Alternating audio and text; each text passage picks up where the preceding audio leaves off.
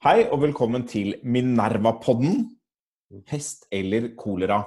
Aksel, det kan hende at dette er siste utgave av podden. Hva tenker du? Ja, altså av kolerapodkasten, koronapodkasten. Hva tenker du om det? Jeg tenker at det er jo forferdelig. Men jeg tenker at da må lytterne til gjengjeld liksom uh, sutte litt på denne podkasten og ikke tygge, holdt jeg på å si, så det liksom varer lenge. Ja. Mange, mange, tror jo, Aksel, og vi sier dette, at nå er det kanskje siste utgave av koronaspesialpodkast. Og det må jo være fordi nå er koronakrisen over. Men eh, det er, det er, ikke sånn det henger sammen, Aksel. Vet du hva som er Nei. Eh, saken, egentlig? Du har jo vært litt på ferie. Fått, det er fordi vi ikke har fått eh, penger av Fritt Ord til det. Og ja, det er det første man må gjøre. det er at Man må true med å legge ned. Ja, det er riktig. Når jeg jobbet med når jeg jobbet med politikk i Oslo bystyre, så har det også vært sånn år at hvis det var noe fagområde i kommunen som heller ikke hadde fått akkurat like mye penger som de hadde ønsket seg, da kom de alltid til det. Ja, i år så er det siste år med blomster i Frognerparken. Dessverre. Vi fikk ikke, fikk ikke 500 millioner kroner til Bymiljøetaten i år, så da ble det dessverre ikke mulig å gjøre det men, eh, nei, men saken er jo det, Aksel, at vi, eh, jeg tror nok at vår trussel om å legge ned kanskje ikke vekker så store politiske bruduljer. Men, men uh, saken er jo det, Aksel, at vi tjener jo ikke så mye penger på denne podkasten. Hvis ikke dere lyttere da går inn og ytrer oss noe penger eller, eller, kjøper abonnement. Så hvis vi ikke får noe støtte, så må vi rett og slett uh, gjøre noe annet. Så derfor kan det hende at dette er siste podkast. Men vi får se. Man vet aldri helt hva, hva fremtiden bringer. Men eh, det er jo også på koronasiden så er det jo endringer som har skjedd. Samfunnet skal nå åpnes gradvis opp, som det heter. Ølserveringen i Oslo har, eh, har, åpnet. Eh, det er et skinn av normalitet flere steder, selv om den økonomiske krisen kommer til å vedvare ganske lenge. Men jeg tenkte vi kunne snakke litt om en rapport som har kommet fra Folkehelseinstituttet i dag, Aksel. Hva er det, ja. hva er det, den, hva er det den sier? Det tror jeg nesten du vet bedre enn uh, en meg, men den peker jo på eh, Hovedfunnet er at den peker på at reproduksjonstallet, altså hvor mange nye, en, eh, nye smittede en smittet overfører sykdommen til, er stadig på tilbakegang, og nå vel på under en halv person. Mm. og Det tyder jo på at de tiltakene man har iverksatt i, i Norge, fungerer eksepsjonelt bra, og antagelig veldig mye bedre enn det man egentlig noen gang trodde. For da når man startet disse tiltakene, så hadde man jo sånn et svakt håp at kanskje kunne man liksom få det under, under igjen. Men nå har man jo nå eh, viser at man får Det er veldig veldig lavt at epidemien egentlig er på vei til å, til å nesten dø ut med de, de tiltakene vi, vi, nå har. Da. Så det er jo hovedfunnet. Og Det er jo til tross for at uh, man har åpnet opp noe. Det er klart at Reproduksjonstallet kommer med litt forsinkelse og sånn. Man må gå ordentlig inn i modellen for å se akkurat hvor mye den forsinkelsen eh, er. Eh, men dette er nok inkludert dager da etter at den gradvise gjenåpningen ble annonsert 6. Eh, eller 7. april, var det vel. Altså en måned siden. Mm. Så en forklaring på det kan jo måtte være at denne perioden med veldig dramatiske tiltak har ført til en del relativt varige atferdsendringer trenger ikke å være permanente de neste 100 årene, kanskje, men, men at vi, vi, omgås på en annen måte, og det er blitt naturlig for mennesker på en måte som gjør at dette skjer nå, selv om da altså, flere mennesker er på kontoret, barn er i barnehagen, eh, barn er i skolen, utestedene er åpent, øh, restauranten er åpent. Allikevel så, så, holder man avstand til hverandre, man vasker hendene veldig godt, og man unngår da store forsamlinger. Og at disse tiltakene, eh, disse da, det som er av faktiske tiltak, og befolkningens egen respons, nå er så, så god at uh, vi har veldig lave smittetall. Og det endrer litt hvordan vi, det endrer litt på hvordan vi tenker om veien videre. I hvert fall hvordan jeg har tenkt. da. Jeg, si, jeg har jo tenkt at eh, det mest naturlige utfallet er at vi på en eller annen måte uh, går gjennom epidemien, at relativt mange blir smittet, at vi får en grad av flokkimmunitetseffekt som gjør at man ikke lenger trenger å ha så mye tiltak. Og så på et eller annet tidspunkt så håper man at det kommer en, eh, en vaksine. Og hvis det ikke gjør det, så vil man ende opp med at 50-70% av befolkningen er smittet, men at det går over ganske lang tid.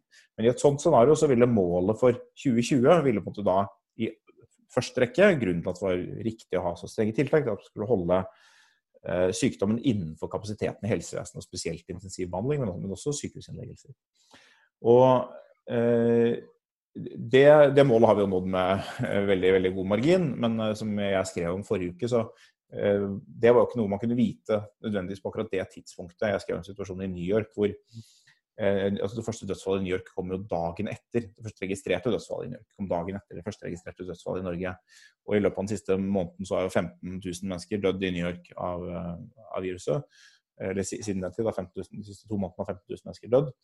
Eh, og hadde det vært Norge, så ville sykehuskapasiteten kollapset. Uh, fullstendig. Så, du snakker om New York City med omtrent 8 millioner innbyggere. Stemmer. stemmer ikke sant? Så, så det tilsvarende dødstall for Norge, om vi hadde vært New York, da, uh, hadde jo da vært i størrelsesorden opp mot 10 000 allerede nå. Og, og, for, og det, forskjellen på Norge og New York er at altså, smitten har kommet veldig dramatisk mye lenger i New York uh, siden 12.3. Men det visste de ikke. Det visste de ikke på dette, eller i hvert fall ikke for noen, noen, dager før. Så var de ikke klar over at det var sånn det var. Og, og de var ikke klar over hvor fort smitten spredte seg eh, før tiltakene ble satt i verk. Nå spredte nok smitten seg mye raskere i New York enn, enn den har gjort i Norge. En veldig tettbefolket by. Eh, men, men, de var ikke klar over situasjonen, og innen de iverksatte tiltak, for de iverksatte også dramatiske tiltak så, så, var det kommet så langt at de allikevel fikk den situasjonen som nesten har sprengt helsevesenet også i, i New York. Eh, både, hel, både byen og, og, delstaten. Eh, og hadde de ikke iverksatt så sterke tiltak, så ville det vært en veldig, enda mye mer betydelig katastrofe der. Så det, det er på en måte noe av bakteppet for at var, man, man, visste lite. Man visste lite om hvor utbredt smitten var, man visste lite om effekten av tiltakene. Så iverksatte man tiltak. Men grunnen til at man var villig til å sette liksom, hele landet i en unntakstilstand, var frykten for en sånn form for stor kollaps, uh, helsekollaps, som ville ført til en, en bredere samfunnskrise. Uh, og det, jo, det, det, var det jo tydelig allerede da tidlig i april at det kom ikke til å skje.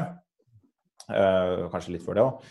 Så, så, da tenkte vi ok, da må vel målet være å slippe opp tiltakene, sånn at vi bare går gjennom sykdommen under denne helsemaks Eh, grensen.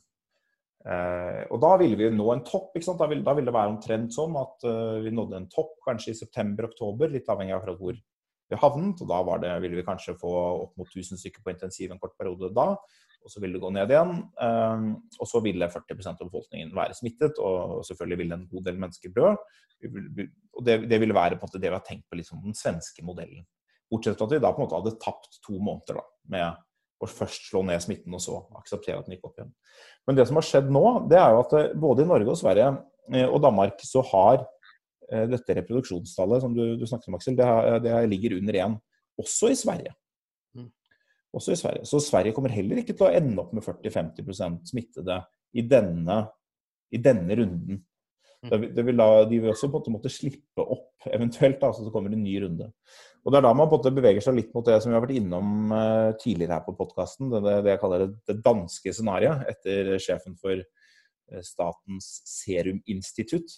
Et navn jeg også liker veldig godt, må jeg, må jeg innrømme. Statens seruminstitutt. Det skulle vi hatt her også. Kåre Møllbakk. og Han snakket jo om at man, man nærmest skulle danse seg frem til en vaksine. Altså, han sier at vi trenger ikke så masse tiltak. fordi Eh, han var den første som sa, sa omtrent det da som vi, vi, ser nå, at selv uten veldig mye i hvert fall eh, påbud og forbud, så vil repetisjonstallet holde seg lavt, og kanskje under én. Eh, og da vil jo smitten dø ut eh, over tid. Selv om det kommer ny import, så vil den, vil den dø ut fordi atferden i befolkningen er sånn at reproduksjonstallet er under én, og hver ny liksom, bølge av et eller annet vil vil dø ut. Eh, og Da kan man jo holde på med det frem til det kommer en vaksine uten noen kjempestore omkostninger. På den annen side så vil jo da liksom denne situasjonen være med oss i lang tid. Ja, og Det forutsetter, selvfølgelig også Om man får til en vaksine. Da. Det vet man jo ikke, men det er jo kanskje ganske naturlig å tro at man vil klare å få til en vaksine. Når det er så enorme ressurser som eh, medgår til, til å skape det. Ja, Det blir et interessant spørsmål hva som skjer hvis man da ikke, ikke får det.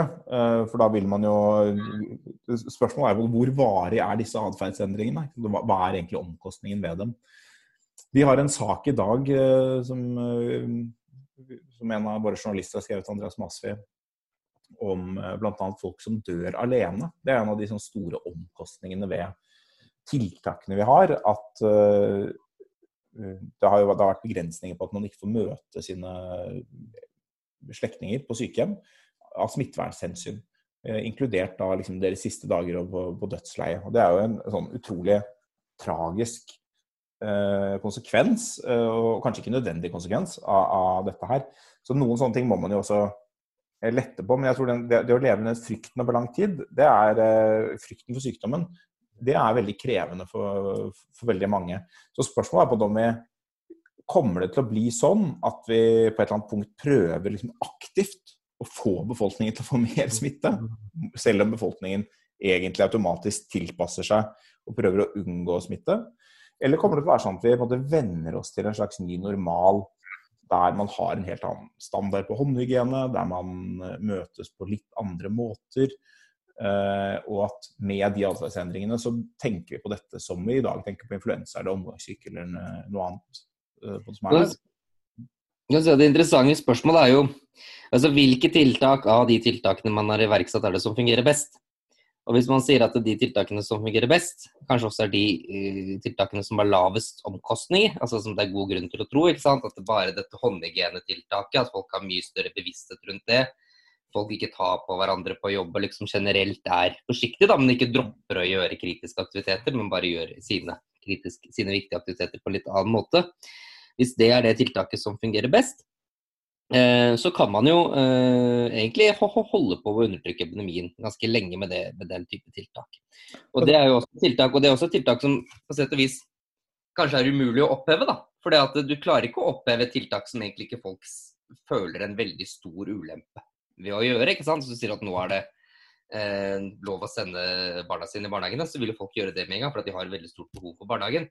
Eh, men det å liksom si til folk at de, de, ikke skal vaske hendene sine, liksom, for nå må vi få fart på epidemien. Altså, det, det, er ikke, det, er ikke, en omstilling av befolkningen som, eh, som antagelig vil, vil, være mulig å få til. Og det er kanskje heller ikke spesielt ønskelig å få til. Liksom. Det er jo bare fint at folk liksom nå har, har mye bedre hygiene. Eh, men, men, ulempen med en sånn veldig langtrukket epidemi, det er jo eh, kanskje av hensyn til de, de særlig eh, eh, utsatte gruppene. For hvis den delen av befolkningen som er minst sårbar for sykdommen, også er ekstremt uh, kompetent eller rett dyktig til å beskytte seg mot på sykdommen, så vil du ha en veldig veldig lang epidemi. og Det fører jo til at de som altså gamle, da, som er særlig utsatte for sykdommen, må belage seg på ganske begrenset frihet da, i en veldig veldig lang periode. Fordi at det vil være mulig å få sykdommen ut i befolkningen uh, i en veldig lang periode. Mm. Og det, det, det, andre, det, andre, interessante spørsmålet, dette snakker jeg veldig lenge, men La oss si at det kommer en vaksine. Altså, hva, er, hva, er, det som er flaskehalsen eh, egentlig ved vaksineproduksjon? Altså, det, det, ene er jo å finne en vaksine som selvfølgelig fungerer. Men det neste skrittet er jo å produsere mange nok vaksiner. Og hvis det finnes veldig lite immunitet i befolkningen fra før av, så vil du jo vaksinere veldig veldig, veldig mange personer. Ikke sant? Så du kan tenke deg at et land som allerede har kommet til 20% flokkimmunitet gjennom naturlige sykdomsforløp, de kan jo kanskje tenke seg at de er bare nødt til å kjøpe vaksine til 30% av befolkningen, så har de 50 kanskje nok til å stansere epidemien. Men hvis epidemien aldri kommer eh, til mer enn 5% av befolkningen, så må du kjøpe veldig mange flere vaksiner. Eh, nå er det ikke det nødvendigvis kanskje et så stort problem for Norge fordi man har så mye penger, men eh, det vil jo eh, potensielt kunne skape en del utfordringer fordi at man i verdensøkonomien ikke klarer å produsere mange nok vaksiner. Mm. Man har ikke råvarene og ressursene til å gjøre det. ikke sant? Så vil det ta lang, mye lengre tid, da, egentlig, også med tanke på det å kunne få til flokkimmunitet via vaksine, dersom det ikke finnes noen naturlig flokkimmunitet gjennom at sykdommen har gått gjennom befolkningen. Si det, det denne Folkehelseinstitutt-rapporten eh, i dag eh, peker på, det er jo at vi, vi, vi har fått den første antistoffundersøkelsen fra, fra Norge med tilfeldig utvalg, som peker på 2% smittede i Oslo. Det er en del det er en del ting man kan si om det tallet. Det er hentet inn fra et utvalg fra mor, far, barn-undersøkelsen. Så det er jo ikke et tilfeldig utvalg av hele befolkningen. Og det er bare 400 som er testet, eh, og bare da antagelig 8 eller noe sånt da, som har testet eh, positivt. Og det, de tallene er så små at eh, Store usikkerhetsbarrierer. Altså, konfidensintervallet er fra 0,6 til 3,4 eller noe sånt. Så, så det er ganske det er jo ganske mye um, ut fra utgangspunktet to. Men, men uh, det sier jo noe om at det er ganske få. og Oslo er den regionen med flest smittede, så, så vi ligger jo antagelig da på halvannen prosent eller sånn av befolkningen som, som har vært smittet. Det er liksom et mediananslag med betydelig usikkerhet. Uh, så, så, vi har langt igjen. Det som er interessant, er å sitte og sett litt i dag på, på Sverige. Hvor langt er det de er kommet? Og, altså, alt tyder på at Sverige også har hatt en ganske stor utflating og, og et reproduksjonstall på under én eh, i over en måned. Eh, det er i hvert fall min, min vurdering av situasjonen der. Og, og, da kan man se for seg at nå i dag så er det kanskje 5 eh, smittede utenfor Stockholm, og kanskje 15% smittet i Stockholm. Så, så, de ligger også på godt under liksom, hva blir det for noe, 8% eller noe sånt samlet for befolkningen. Eh, kommer det til å gå litt opp. Det er høyere representasjonstall der enn det er her. Eh, men de kommer jo heller ikke til å nærme seg De kommer til å ende opp da på 15-20% Så de, de, ligger jo nærmere, avhengig av hvor mange vaksiner man må kjøpe. Eh, men, men det, er, det, er, noe interessant der med hvordan dette Det endrer jo også litt måten vi sammenligner Norge og Sverige på. Vi snakket jo litt positivt om den svenske modellen for et par utgaver siden på poden her, Aksel. Hvor vi begge to mente at det var en en risikabel strategi, eh, men det var ganske god sjanse for at det ville være den beste strategien allikevel. Altså, eller at det ville vise at det var den beste strategien, selv om den var for risikabel. Og en grunn til det var at vi tenkte at det er ganske sannsynlig at vi kommer til å ende opp med omtrent like mange døde til slutt. Fordi vi kommer jo på et eller annet tidspunkt Da tenkte jo vi at vi, vi må jo også på en måte prøve å få et reproduksjonstall opp mot 1,3, gå gjennom liksom dette her, få en annen grad av naturlig flokkimmunitet i løpet av 2020. Eh, og vi kan ikke satse på noen vaksine på, på, lenge. og det, det, er liksom, det er der reproduksjonstallet vil havne. Det var det jeg tenkte, i hvert fall. Og, men nå ser det jo ut som begge, både Norge og Sverige liksom ender ut en første bølge. Norge ender jo kanskje opp med 250 døde nå i første omgang. Men Sverige kan se ut til å liksom, ebbe ut. Det ligger på over 3000 nå, kanskje ebbe ut på rundt 4500. Uh, eh, og da blir jo det plutselig en permanent forskjell, hvis vi nå Eh, hvis man da danser seg frem til vaksinen, så vil det bli en, en permanent forskjell i dødsfall knyttet til koronaviruset mellom de to landene. Som, eh, som absolutt en diskusjon om liksom, er den forskjellen verdt eh, kostnaden, eller forskjellen i kostnader, tiltak osv. er en stor diskusjon. Men, men det, det, da, det, gjør at den svenske strategien fremstår litt annerledes. For også der har kommunikasjonen vært at alle land kommer, kommer til å ende opp samme sted. Vi bare går litt fortere. Men det er ikke sikkert at alle land ender opp akkurat samme sted. Mm. Det er jo også en annen ting som det er verdt å bemerke, jeg vet ikke om du er enig i det, Nils August, men eh, det er jo egentlig to, to, endringer som man har sett fra starten av. Det ene er at man har oppdaget at det er, det er lettere å undertrykke epidemien enn man har trodd. Altså, det er derfor reproduksjonstallet er mye lavere. Men det andre er at man, man ser jo også antydninger til at eh, sykelighet og dødelighet av, av sykdommen også er, er, lavere enn det man opprinnelig trodde. Altså, man snakket jo eh, Først så snakket man om dødeligheten med mellom 2 og 3 Det var jo noen av de første liksom, WHO-anslagene. Så har man jo senere liksom tenkt at det var altfor mye. Og så har man jo dette Imperial College-paperet. De hadde jo en dødelighet, tror jeg, på 0,9% altså 9 promille. Altså omtrent ti ganger så dødelig som en vanlig influensa. Mens Folkehelseinstituttet nå de, de antar jo antagelig at dødeligheten ligger på rundt 3 promille. da. Så det er tre-fire ganger så dødelig liksom, som, som en vanlig influensa. Og det, det, gjør jo også kanskje at eh, Eh, liksom, behovet for, for, å undertrykke det. da. Egentlig er litt grann, fordi vi har litt mer kunnskap om sykdommen, kanskje også er, er litt mindre enn det, det man også kanskje hadde trodde før. Samtidig som det er jo som har blitt lettere. da. Så det blir jo en interessant diskusjon. altså eh, Det har blitt lettere å undertrykke sykdommen, så da kan vi gjøre det liksom likevel. Men behovet for å gjøre det er kanskje også mindre. ikke sant? Ja, det, er et interessant perspektiv. Eh, denne artikkelen jeg skrev om New York, det, det er jo da det stedet vi har best data. Det er ikke sikkert det er helt overførbare, men det er en by der vi har veldig gode data. fordi eh, det er en by som har, har, historien har gått gjennom epidemien, selv, selv, om også New York kommer til å få en andre bølge. Så er det der for Forrige uke så var det da 21% smittede i New York, den største antistoffundersøkelsen som er gjort så langt. Og det er da et så høyt tall at konfidensintervallet er eh, håndterbart.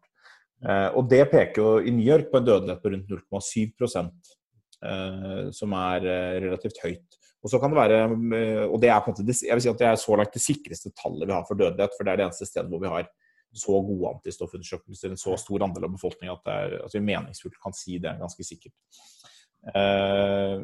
Eh, men eh, det kan jo hende at det er lavere i Norge. Det kan hende at vi har bedre helse, mindre sukkersyke, mindre underliggende sykdommer osv. Eh, det er mange bedre tilgang til helsehjelp i en tidlig fase, siden alle har helseforsikring, alle har tilgang til helsevesenet gjennom det offentlige helsevesenet. Men det er ikke åpenbart at det må være sånn. og Derfor jeg trakk frem dette usikkerheten ved, ved denne antistoffundersøkelsen i Oslo. Den viser ikke så, så veldig mye når den har så stort konfidensintervall. Og utvalget heller ikke er gjort av hele befolkningen, men av uh, barnefamilier som kan tenkes å ha litt annen atferd enn uh, andre. Så er det jeg vil si at Det kan godt hende fortsatt at dødeligheten liksom ligger rundt 0,5-0,6. Um, og det, i hvert fall fra mitt perspektiv, da, så ligger jo det egentlig innenfor det man har, har ment veldig lenge. De, de, fleste eksperter, de fleste, med unntak av den Imperial-saken, uh, så sa jo også WHO veldig tidlig at de trodde at det lå mellom 0,3 og 1. Det sa de i slutten av februar. Og det har ligget til grunn for, uh, for det vi har tenkt og skrevet om dette, Aksel. Og jeg tror det har ligget til grunn for det Folkehelseinstituttet har gjort også. Men, det, men uh, hver gang det kommer noen sånne tall, så blir det fremstilt som om nå er dødeligheten mye lavere. Og da sammenligner man jo gjerne med Eh, de tallene som kommer i avisen, at her har man så mange registrerte tilfeller og så mange registrerte dødsfall, mm, mm. og så er det plutselig 5 eller 10 mm. Eller sånne sensasjonsleger eller noen andre som sier det kan være 3% eller hun, denne Blücher-legen som mente det var 150 000 døde. Liksom. Altså, noen sånne tall har fått lov å sette seg som om det var det man trodde. Man trodde. Ja. Så i hvert fall for vår del har det aldri vært det. altså For meg så endrer ikke perspektivet så veldig mye. Men det er klart det begynner å krype veldig mye under 0,3, eh, så begynner det å, da begynner det å ha noe å si. Vi vet jo en del om sammenhengen mellom hvor mange som dør og hvor mange som er på sykehus, eh, etter hvert som vi har tall fra Norge. Og Da betyr det jo på en måte også at eh, sjansen for overbelastning i helsevesenet begynner å bli veldig liten. Risikoen for de aller aller fleste aldersgrupper begynner å bli veldig, veldig veldig veldig lav. Eh, og så er den der fortsatt selvfølgelig for de, for de eldste med underliggende sykdommer. som må håndtere det. Så er det, så er det viktig å huske på at død, dødelighetstallet det er jo ikke forutbestemt. ikke sant? Det avhenger jo av hvilken behandling som blir tilbudt. Altså I Norge så er jo overlevelsesratene for de som kommer inn på sykehus, og til og med de som kommer i respiratorbehandling, veldig veldig gode. ikke sant? Så norske helsevesen gjør jo en veldig god jobb med, med disse pasientene. Og mm. nettopp Derfor så er det jo veldig viktig at den kapasiteten til enhver tid er ledig. Så mm. lenge den kapasiteten er ledig, så vil du antagelig ha eh, dødelighetstall tenker jeg, ned mot 3 promille, eller kanskje til og, med, til og med under. Men hvis den kapasiteten er sprengt, så har du en helt, en helt, annen, eh, en helt annen, virkelighet. Så Da vil jo alle de som blir lagt i respirator, dø sant, i realiteten. Fordi de, de, får jo respirator for, for å kunne overleve. Jeg tenkte Aksel, å skrive en liten sak om dette, her, som uh, kanskje kommer i morgen, uh, kanskje i kveld. får se. Veien videre, uh, tenkte jeg skulle hete. regjeringen skal ha pressekonferanse i kveld. Da kan man sikkert få vite litt om det, selv om jeg tror de fleste har nå blitt gått lei av korona. egentlig, Kanskje mer interessert i hva som egentlig har skjedd mellom Abid Raja og hans inntil nylig statssekretær Knut Åstad Bråten, som har trukket seg i protest mot dårlig politisk kultur og, og mye annet. Men eh, jeg tror vi er ferdige for denne gangen. Og så kommer vi kanskje tilbake. Vi får se. Kanskje det triller noen penger. Men, kanskje med andre temaer òg? Ja, kanskje med andre temaer òg. Vi har jo en annen, annen Minerva-pod som ikke handler om korona. Kanskje jeg skal ta opp den, den, igjen. Men vi kan jo si til lytterne at hvis dere har satt pris på, på disse koronasakene våre, så er det veldig hyggelig at dere tegner abonnement. Det er ganske mange bra saker man kan, kan lese, og det er eh, sårt tiltrengt i disse koronakrisetider. Takk for følget. Takk. Adjø.